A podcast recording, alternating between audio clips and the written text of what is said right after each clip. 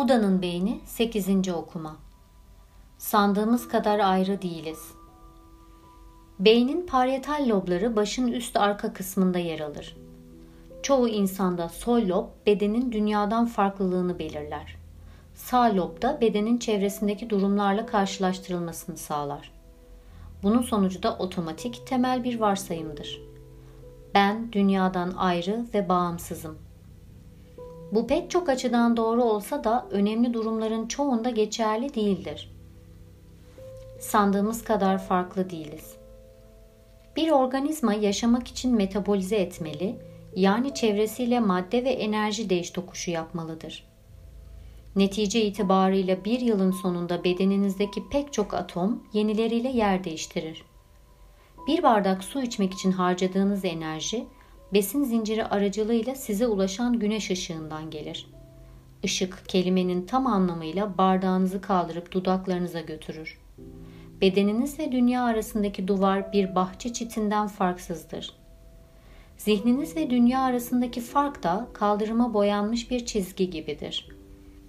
Dil ve kültür sahneye girerek doğum anınızdan itibaren zihninizi şekillendirir. Empati ve sevgi sizi kendiliğinden diğer insanlara uyumlar. Böylece zihniniz onlarınkiyle titreşim halinde olur. Bu zihinsel aktivite akışları diğer insanları da etkilediğiniz için iki taraflıdır. Zihninizde herhangi bir sınır olduğu bile söylenemez.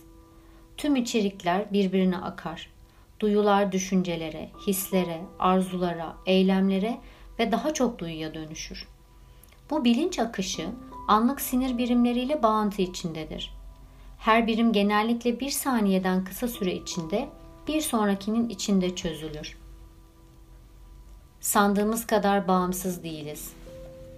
Bugün burada olmamın sebebi Sırp bir milliyetçinin Arşidük Ferdinand'a suikast düzenlemesi, bunun da Birinci Dünya Savaşı'nı tetiklemesidir. Bu olayın ardından 1944 yılında annemle babam askeriyenin balosunda tesadüf eseri tanışmış. Elbette herhangi birinin bugün burada olmasının on binlerce sebebi var. Peki ne kadar geriye gitmeliyiz? Örneğin göbek bağı boynuna dolanan oğlumun bugün burada olmasının sebebi tıp teknolojilerinin yüzlerce yıl boyunca gelişmesidir. Ya da bundan çok daha eskilere gidebiliriz. Bedeninizdeki atomların çoğu ciğerlerinizdeki oksijen ve kanınızdaki demir dahil olmak üzere bir yıldızın içindeydi. Evrenin başlangıcında hidrojen neredeyse tek elementti.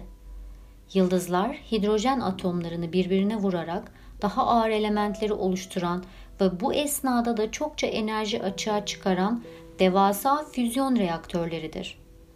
Nova olanlar içeriklerini çok uzaklara püskürtmüşlerdir evrenin başlangıcından kabaca 9 milyar yıl sonra güneş sistemimiz oluşmaya başladığında gezegenimizi, bu kitabı tutan elleri ve bu kelimeleri anlayan beyni oluşturmaya yetecek büyüklükte atomlar mevcuttu.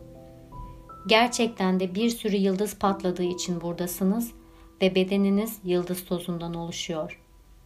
Zihniniz de sayısız öncül sebebe bağlıdır görüşlerinizi, kişiliğinizi ve duygularınızı biçimlendiren olayları ve insanları düşünün.